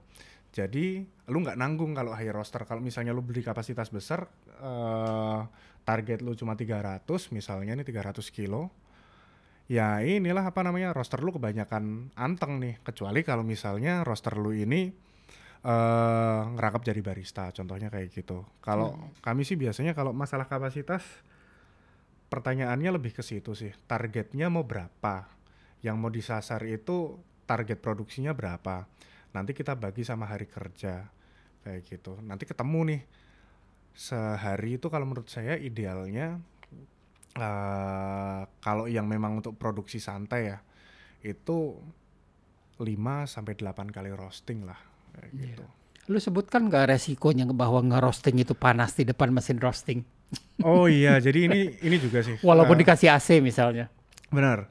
Tapi kalau mesin roasting yang cukup bagus eh, dan kami cukup bagus, iya. ya, bukan yang jelek-jelek amat, itu mereka punya lapisan insulasi. Oke. eh memang panas, memang anget, tapi bukan yang Bisa membuat lo sampai kehabisan Ha, ha, betul. energi. sampai kehabisan energi itu enggak. Ya intinya sih eh, cukup minum air putih aja sih. Tapi kalau kapasitas 1, 3, 5, sampai 10 Masih oke lah ya. itu masih bearable banget sih. Bahkan nggak pakai AC pun fine asal sirkulasi udaranya oke Oke. gitu. Jadi pemilihan kapasitas itu jadi harus ada wawancara yang cukup mendalam juga ya enggak ya supaya jangan salah pilih ya. Betul.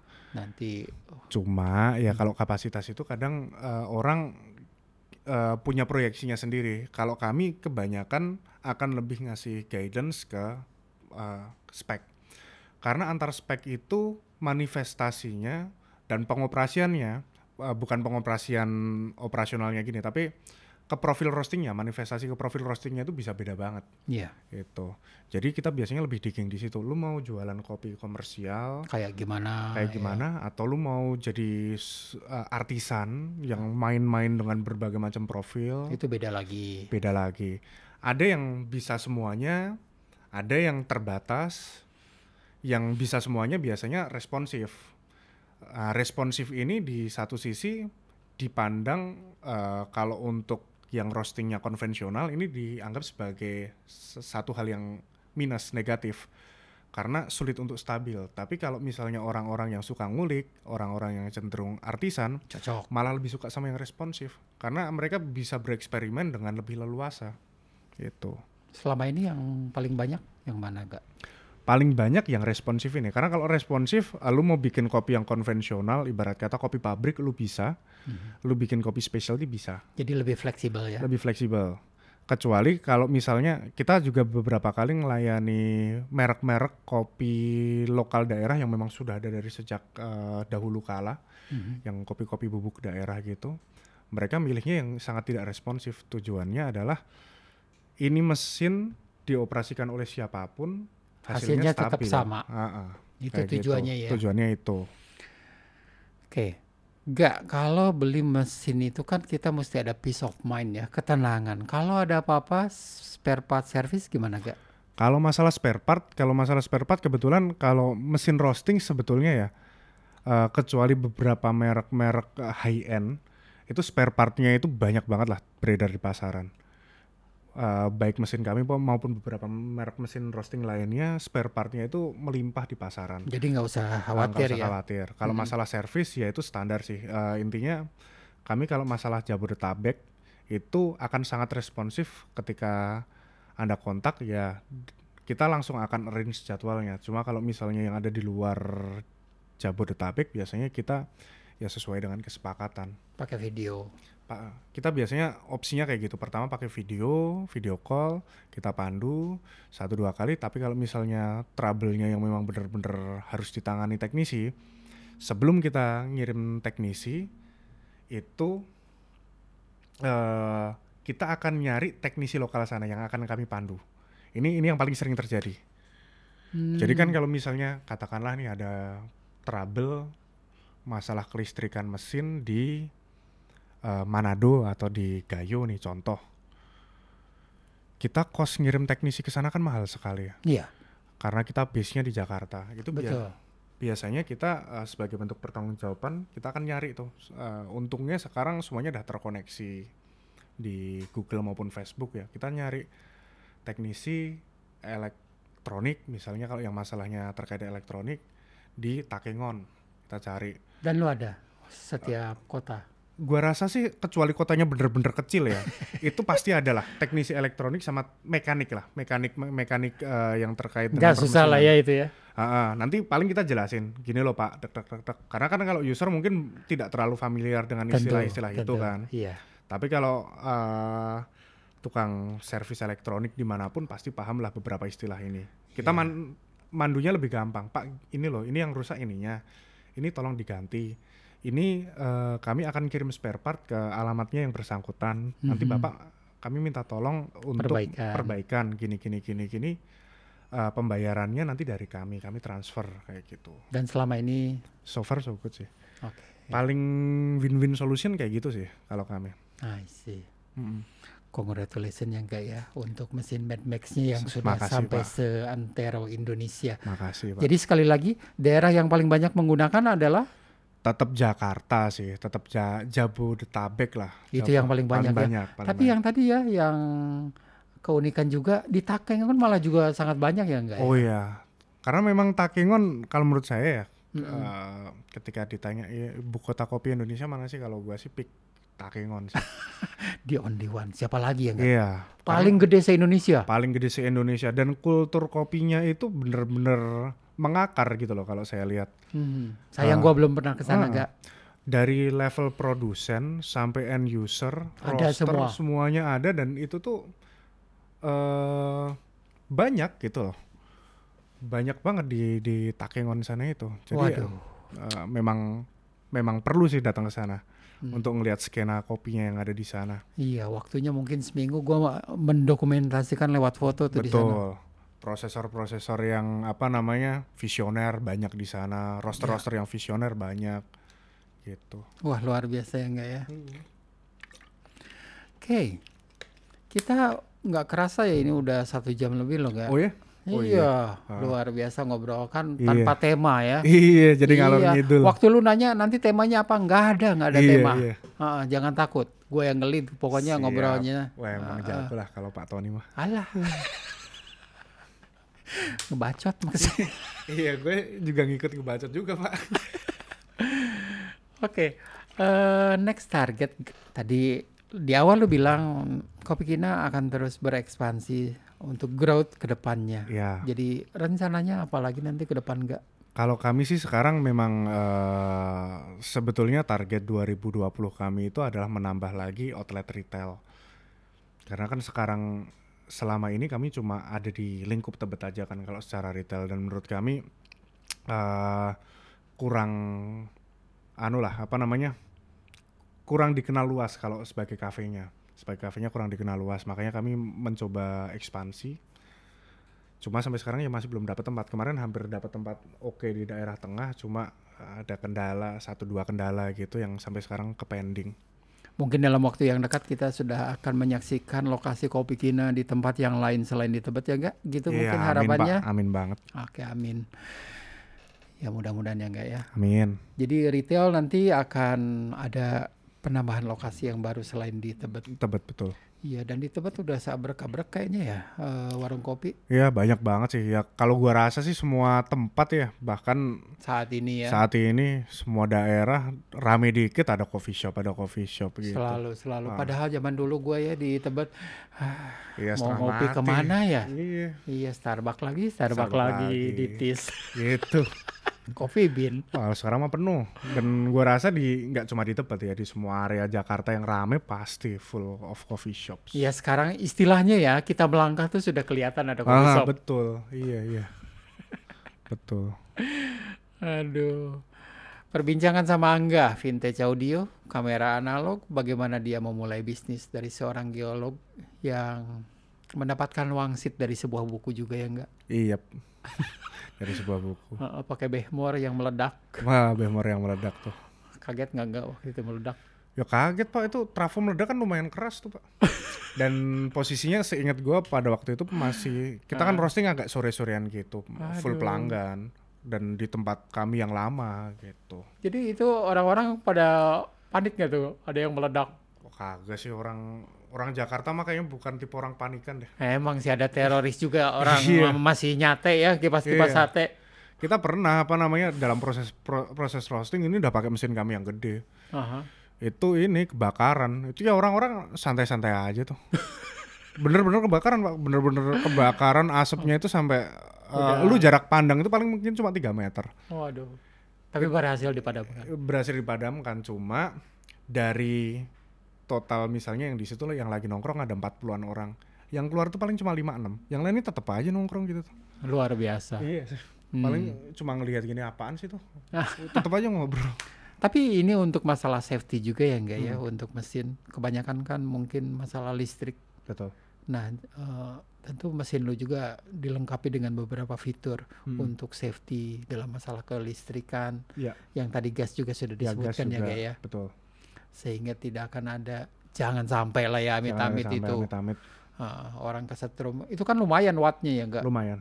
Cuma kan kalau misalnya mesin roasting saya rasa hampir semua mesin roasting sama. Jadi dia watt gede tapi sebetulnya dia bukan bukan dalam satu sirkuit yang sama gitu loh. Dibagi-bagi. Dibagi-bagi dalam Iya. beberapa terminal. Hampir semua mesin roasting saya rasa kayak gitu juga tuh. Beda kayak misalnya kita bicara apa ya yang wattnya gede itu. Kita bicara masalah behmor aja deh. Behmor. Behmor itu memang wattnya 2000 dan dia dalam satu sirkuit yang tidak terpisah dalam beberapa terminal. Itu begitu nyetrum ya lumayan. Tapi kalau misalnya mesin-mesin kayak yang drum roaster kayak gitu itu eh, jarang sih ada ada kejadian. Ya pernah pernah ada kejadian eh, saya lihat beberapa satu dua tahun yang lalu ya kejadian. Iya. Tapi jangan lupa pakai sendal Ah, atau sepatu ah, ya betul, kalau lagi ngerosting. Betul. Ah. Intinya sih eh, kebocoran listrik itu mungkin terjadi di semua equipment bahkan charger pun ada gitu tuh. Kita sebagai user aja perlu perlu sadar terutama kalau misalnya roster ya gua rasa ada beberapa guidance yang harus kalian pelajari kayak keselamatan kerja dasar lah. Itu googling banyak banget sih. Googling banyak banget. Jangan disepelekan. Jangan disepelekan. Jangan disepelekan. Iya. Ya. Ya masalahnya kan tidak semua orang dalam kondisi jantung yang sehat. Betul. Ah, Pas kena kejutan, betul. ya wassalam. Wassalam. Angga terima kasih. Sama-sama Pak. Luar biasa ini perbincangan kita yang tanpa tema tentunya. Makasih banyak Pak udah diundang ke sini juga. No no no no, no. saya yang makasih gak. Tapi gue sengaja ngundang lu ke sini ini supaya audionya bagus. Iya. Iya dong. Iya. Lagu yang bagus harus ditunjang dengan equipment yang bagus betul, supaya betul. jauh Gua lebih nikmat. banget. Betul. Perbincangan sama Angga juga gue yakin banyak hal info yang tadi lu sebutkan itu penting. Makanya harus ditunjang sama podcast yang bagus audio. Iya. Thank you Angga udah Sama-sama, datang ke sini dan lu udah ngasih oleh-oleh gua aduh repot-repot gak gua cuman ngasih aqua doang. Ya lah Pak. Kan Bapak influencer. Oh iya.